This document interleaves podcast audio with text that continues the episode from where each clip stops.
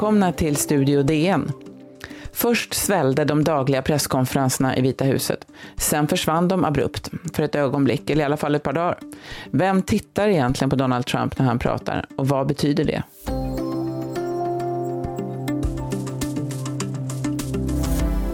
And then I see the disinfectant where it knocks it out in a minute, one minute. And is there a way we can do something like that by injection inside or Ja, under coronapandemin har president Donald Trump hållit dagliga presskonferenser i Vita huset med medicinska experter vid sin sida. De har ju följt ett intressant mönster. Först direktsändes de av alla stora medier och i takt med att Donald Trump kände vind i seglen så började de svälla ut och blev uppemot två timmar långa. Misstänkt lika kampanjmöten. Donald Trump själv pratade två tredjedelar av tiden, kanske 28 av 35 timmar enligt eh, beräkningar av de stora dagstidningarna. Flera tv-bolag eh, klippte då direktsändningarna Trump fortsatte eh, hålla dem, men efter debaclet i förra veckan när han föreslog att man kanske borde titta närmare på möjligheten att invärtes spraya folk med desinficeringsmedel så ströps eh, presskonferensen av Vita huset, men bara över helgen. Björn Ahlén, du är DNs korrespondent i Washington. Eh, vad är det egentligen med Trump och relationen till journalister? Jag tror att Trump är fullständigt beroende av journalister för att medierna är hans scen så tror jag det var redan när han var framförallt fastighetsmogul i New York, men ännu mer som liksom högerpopulistisk demagog är hans eh, sätt att kommunicera med omvärlden är via medierna och eh, när han blir osäker, när han inte vet vad han ska göra så är hans metod ofta att försöka ta så mycket, som, så mycket plats det går i medierna och det är det som han har gjort i och med de här presskonferenserna. Och det verkar relativt ofta fungerar ganska väl för honom. Ju mer plats han tar i offentligheten, desto mer drama och konflikt skapas det kring hans person och den här polariseringen i samhället skärps och människor känner sig manande att varna för honom, ta avstånd från honom och bli indignerade över honom vilket får hans fans att försvara honom och sluta upp bakom honom. Så det är den logik som vi såg redan i valrörelsen inför valet 2016 och som han liksom har återupprättat under den här krisen och inför nästa valet också. Under den här tiden så angriper ju Trump, eh, när han talar då från, från eh, pressrummet i Vita huset, som man ska ju säga är ju ganska litet. Det ser ut som en mindre biograf lite grann med de här stolarna som är där. Och nu är, är det mindre än halvfullt på grund av att man har tagit bort eh, ganska många reportrar för att hålla avståndet. Men han angriper både medierna i allmänhet väldigt hårt, men också enskilda journalister. Så här kan det låta. But by the way, not Americans who are also nice and easy, China. nice and easy. Just relax. We cut it off. People were amazed. So do you acknowledge that you didn't think Keep your voice down, please. spread? Keep your voice down. Did you not? How many? What do you say to Americans who are watching you right now who are scared? Uh, I say that you're a terrible reporter. That's what I say. Go ahead. Just I think it's a very nasty question, and I think it's a very bad signal that you're putting out to the American people. Ja, så här, det här är ju inte första gången det låter på det här sättet och för journalister så eh, finns det ju en stark kritik av att Trump attackerar eh, ett väldigt viktigt uppdrag. Men vad betyder, vilken effekt tror du att de här eh, angreppen får för Trump själv och för hans väljare? Bryr de sig om eh, den här typen av eh, beteenden? Jag tror att en stor, stor andel av hans väljare eh, tycker att det är spännande när han går i direkt polemik med journalister under de här konferenserna. Det ju, följer ju ungefär samma mönster som vi har sett på hans kampanjmöten där han ofta riktar sin vrede mot eh, den här buren av journalister som finns mitt i rummet och han får sina anhängare att liksom skandera och bua mot dem. Och det är som att vi reportrar ibland fungerar som ett slags ställföreträdande fiende som finns där i rummet och som man kan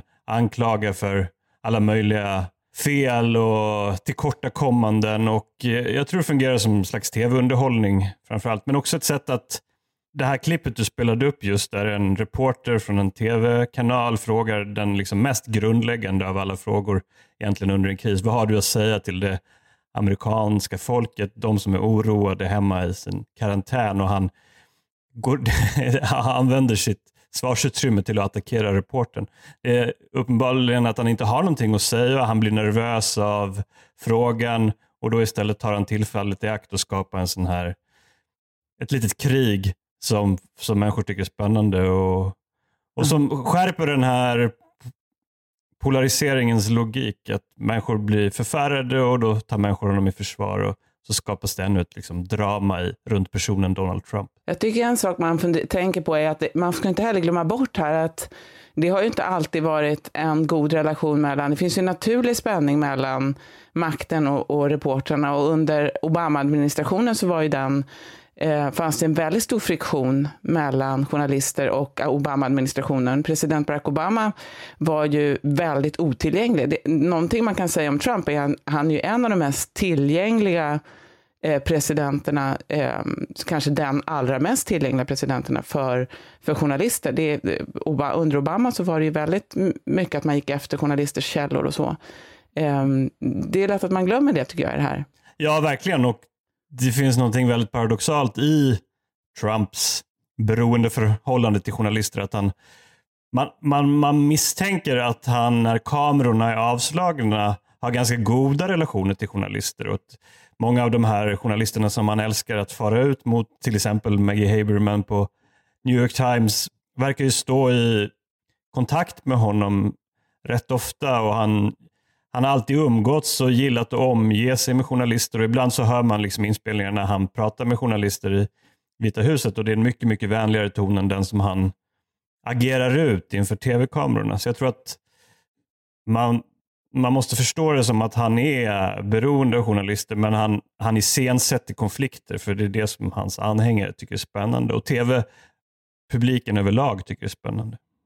Men hans medarbetare kan ju ibland eh, vara rätt uppenbart besvärade av det här. Det finns ju en det var ju uppenbarligen så att han skadades av det här med eh, att spruta klorin in i venerna egentligen, eh, som man gjorde sig väldigt eh, lustig över på flera sätt. Vi ska återkomma till det alldeles strax.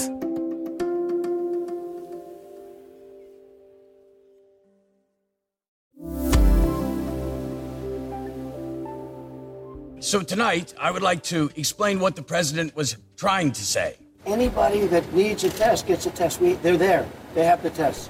And the tests are beautiful. Okay, a couple of things. I don't know if I would describe the test as beautiful, unless your idea of beauty is having a cotton swab tickle your brain. Ja, det här är alltså Brad Pitt som spelar Anthony Fauci, ähm, läkaren som Donald Trump nästan alltid har vid sin sida. Eh, i Saturday Night Live eh, som sänds på bästa sändningstid i eh, lördags var detta. Eh, varför var det här en, blev det här en stor sak? Därför att Fauci har blivit någon slags folkhjälte just för att han eh, lyckas korrigera Trump på ett sätt som ibland är subtilt och ibland mer eh, uppenbart och lite hårdfört. Och eh, att just Brad Pitt fick spela honom motsvarade kanske den här Tegnell-effekten, att många tycker att eh, den här aktu vetenskapliga auktoriteten har fått ett slags skimmer av sexighet över sig som kanske Brad Pitt förstärkte möjligen. Men eh, det, ju, eh, det, har ju varit ganska goda tittarsiffror för de här eh, presskonferenserna. Det är väl ungefär 10 miljoner personer, som är rätt, det är rätt mycket ändå. Men de allra flesta tittar ju inte på de här. Vad tror du att de här presskonferenserna och Trumps långa uttalanden, vad betyder de för, hans, för stödet för honom? Ja, alltså 10 miljoner får man nog säga ändå är ganska mycket i USA. Eh, det är liksom mer än vad Fox News mest framgångsrika program har i snitt en vanlig kväll.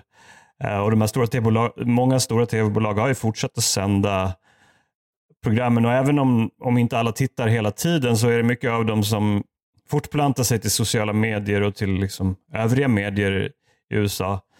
Eh, men jag tror att det har varit ett sätt att, som vi har sagt, sätta fokus på presidenten i ett skede där han har verkat passiv, där han uppenbart väntade alldeles för länge innan han eh, lät den federala regeringen agera, till exempel i att skaffa fram test och hjälpa guvernörer och utlysa nödtillstånd av olika slag. Så han, har, han har helt enkelt iscensatt en typ av eh, operation som inte riktigt har motsvarats i verkligheten. Jag tänker också att det är många som, eh, eh de som inte följer det här, de, de, alltså gemene man som röstar på Trump, stödet för honom har ju, det har ju varit hyfsat starkt nu förhållandevis. Eh, under coronakrisen. Eh, han har ju legat på en väldigt stabil nivå, i, men lågt, lägre än nästan alla andra presidenter. Eh, och har en väldigt trogen väljarskara. Men jag tänker att de, jag tror att många av dem, de bryr sig inte så mycket om de här sakerna som vi kanske tycker är helt bisarra, eller som är helt bisarra, om, eh, med saker som är uppenbart eh, ja, men ovetenskapliga eller, eller mm, tokiga. Eh, men de ser honom som hela tiden angripen. Jag tror att många av de här konflikterna med journalisterna får också den effekten att de, många av hans väljare, de tar inte del av det här på, riktigt på det sättet. Men Donald Trump har själv någon slags intuitiv känsla för vad som fungerar i, i medierna. Så att det, det funkar liksom på något sätt på två plan samtidigt. Ja, men absolut. Det, det är ju en eh, utmärkande egenskap för hans presidentskap och för honom som president att stora nyhetshändelser har inte påverkat siffrorna i den utsträckning som det kanske gjort för presidenter tidigare. Eh, naturkatastrofer, stora skjutningar, klaver-Trump. Eh, hans siffror skiftar några procent hit och dit men stabiliserar sig ofta. Hans anhängare ligger runt 40 procent av befolkningen och det ruckas nästan aldrig. Och så är det med det här också. Det, eh, den logik som har styrt relationen mellan en president och hans folk gäller inte för Trump, utan det är andra faktorer uppenbarligen som gör att hans anhängare håller fast vid honom. Men tror du att han är, liksom, för han, det, 40 procent räcker ju inte för att vinna valet. Det finns ju ett antal procent här som han måste, det finns ju en liten, liten klick som går att flytta på. Antingen är man mot eller, för eller emot och så finns det en liten, liten klick. Och så kastar han in det här med till exempel att skärpa invandringen som ändå är en sakfråga som många engagerar sig i. Eh, tror du att han liksom lyckas om man tänker så här, han är väldigt impulsiv, men hur slug tror du han är? Liksom, eh, du citerade i en, en av dina texter Steve Bannon som sa att ja, men, liksom, kasta så mycket skit i maskineriet som möjligt. Liksom. Tror du att Trump är beräknande eller tror du att det är folk runt omkring honom som är, är det? Eller reagerar han helt på intuition? Vad tror du? Nej, men jag tror det finns en slags grundläggande beräknande sida hos honom som är just det här att ju mer eh, syre jag tar i rummet, desto mer kommer folk att förhålla sig till mig och desto fler av mina kärnanhängare aktiveras och kommer att gå ut och rösta. Huruvida det är en slug taktik, det är en ganska basal strategi, men han har hållit kvar i den och han återvänder till den i skeenden när han blir pressad och känner sig hotad.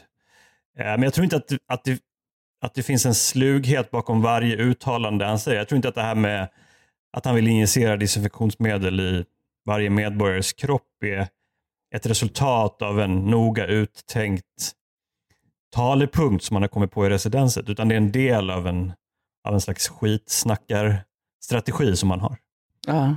Jag tänker också att hans, liksom de eh, eh, alltså förtroendesiffror, de kommer ju också bero väldigt mycket, gör nog redan, liksom, eh, beror mycket på arbetslösheten. Att det är den snarare än vad han säger i, vid podiet som är viktig.